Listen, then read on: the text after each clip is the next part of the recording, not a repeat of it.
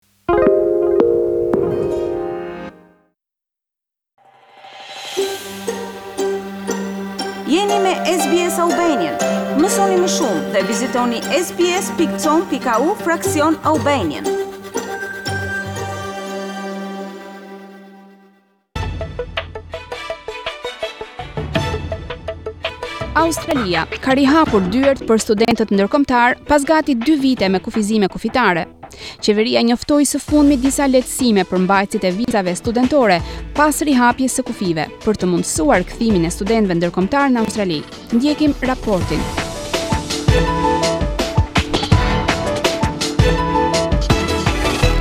Australia po mirëpret studentë të kthyer nga e gjithë bota dhe ka shpallur disa lëshime për ta bërë Australinë një destinacion të preferuar për studentët ndërkombëtarë.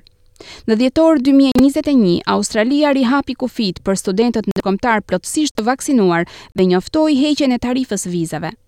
Nasir Nawaz është një agjent i regjistruar i migracionit në kompaninë The Migration. Ja si shpjegon ai rregullat e reja. pandemic scenario is uh, much different and it has much to offer because uh, the international students whoever is arriving in between Të gjithë studentët ndërkombëtarë që do mbërrijnë midis datave 19 janar dhe 19 mars 2022 kanë të drejtë të rimbursohen për aplikimin e tyre për vizë studentore. Studentët do të mund të aplikojnë për rimbursim deri në 31 dhjetor 2022.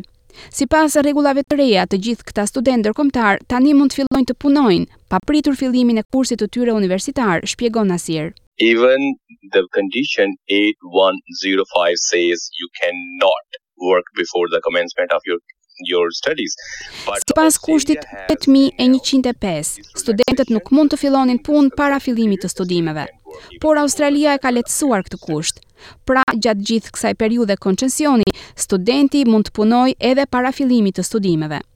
Ai thotë se për shkak të pandemisë, studentët ndërkombëtarë kanë kaluar një periudhë veçanërisht të vështirë dhe izolimet kanë ndikuar në shëndetin e tyre mendor. As you know the pandemic started around February twenty twenty two and many students they got stuck overseas and remaining they stayed in Australia. Siç e dini, pandemia filloi rreth shkurtit dy mijë e njëzet dhe shumë studentë mbetën jashtë shtetit ose mbetën në Australi. Ata e kanë patur shumë të vështirë të gjenin punë në shtete të ndryshme, mbas mbylljes së menjëhershme dhe izolimeve të gjata për pothuajse një vit e gjysmë ose edhe më shumë. Dhe pa punuar si mund t'i paguanin tarifat e universitetit? Psikologjikisht, studentët kanë vuajtur prej përpjekjeve të tyre për të studiuar dhe largimit nga shtëpitë e tyre.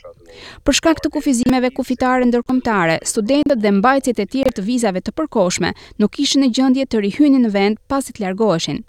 Nasir thotë se shumë viza kanë skaduar për shkak të kufizimeve kufitare. And they even did not want to leave the country because they knew if they leave the country for home country, they cannot come back. Studentët nuk mund të largoheshin, sepse e dinin se nëse largohen nga vendi për në atdheun e tyre, nuk do të mund të ktheheshin.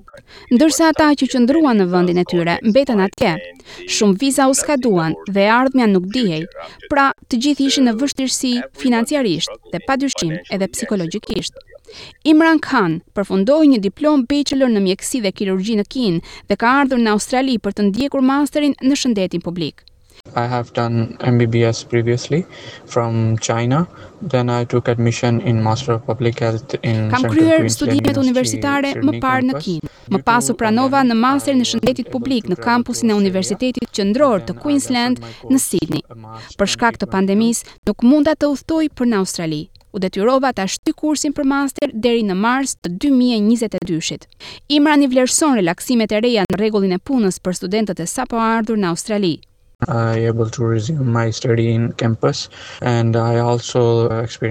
Mund të rifilloj studimet në kampus dhe kam përjetuar me kënaqësi lehtësimin e rregullave të punës në Australi për studentët përpara fillimit të kurseve të tyre, që është një hap i madh i qeverisë. Para pandemisë, studentët e huaj duhet të ndiqnin kurset në kampus për të marrë një vizë studentore të nënklasës katër tetë pesë, por tani studimet në internet të ndërmarra jashtë Australisë do të llogariten për aplikimin për këtë vizë studentore. Pre-pandemic, only on-campus study was considered for graduate visas, which is sub-class four eight five. Përpara pandemisë, vetëm studentët e huaj që studionin në kampus mund të aplikonin për vizën pas-universitare të nënklasës katër tetë pesë. Por tashmë edhe ata studentë të huaj që vazhdojnë studimet online së bashku me studentët në kampus mund të aplikojnë për një vizë pasuniversitare. Me zgjerimin e studimeve online, aktualisht vizat pasuniversitare u ofrohen studentëve që përfundojnë studimet. Whoever studies bachelor's or master's by coursework was entitled to get two years visa for four eight five. Kushdo që studion një kurs bachelor ose master, kishte të drejtë të merrte një vizë dyvjeçare të nënklasës katër tetë pesë.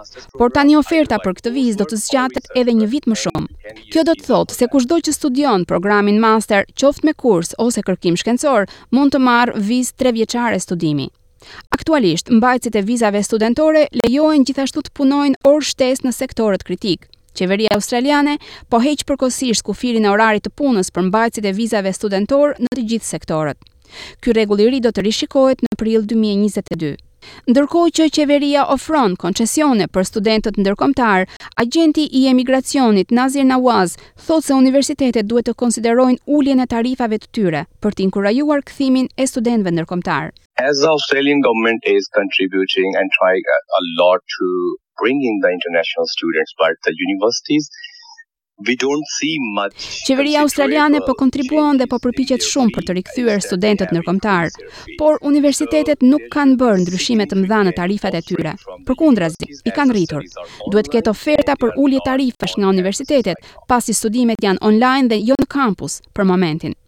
Muzamil Rizwan Khan, nga kompania Step Up Profession, është i mendimit se tarifat e reduktuara universitare mund të inkurajojnë studentët ndërkombëtarë të zgjedhin Australinë, në vend të vendeve të tjera të zhvilluara, për të ndjekur studimet.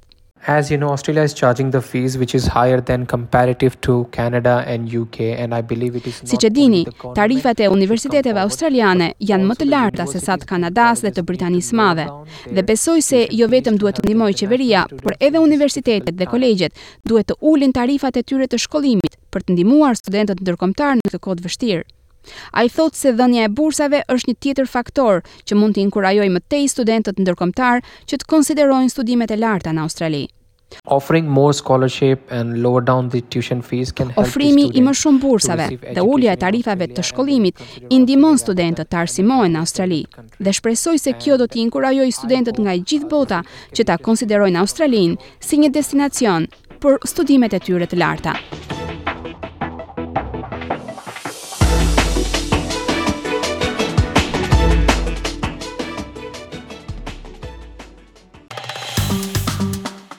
Klikoni në like, ndani dhe komentoni SBS Albanian në Facebook.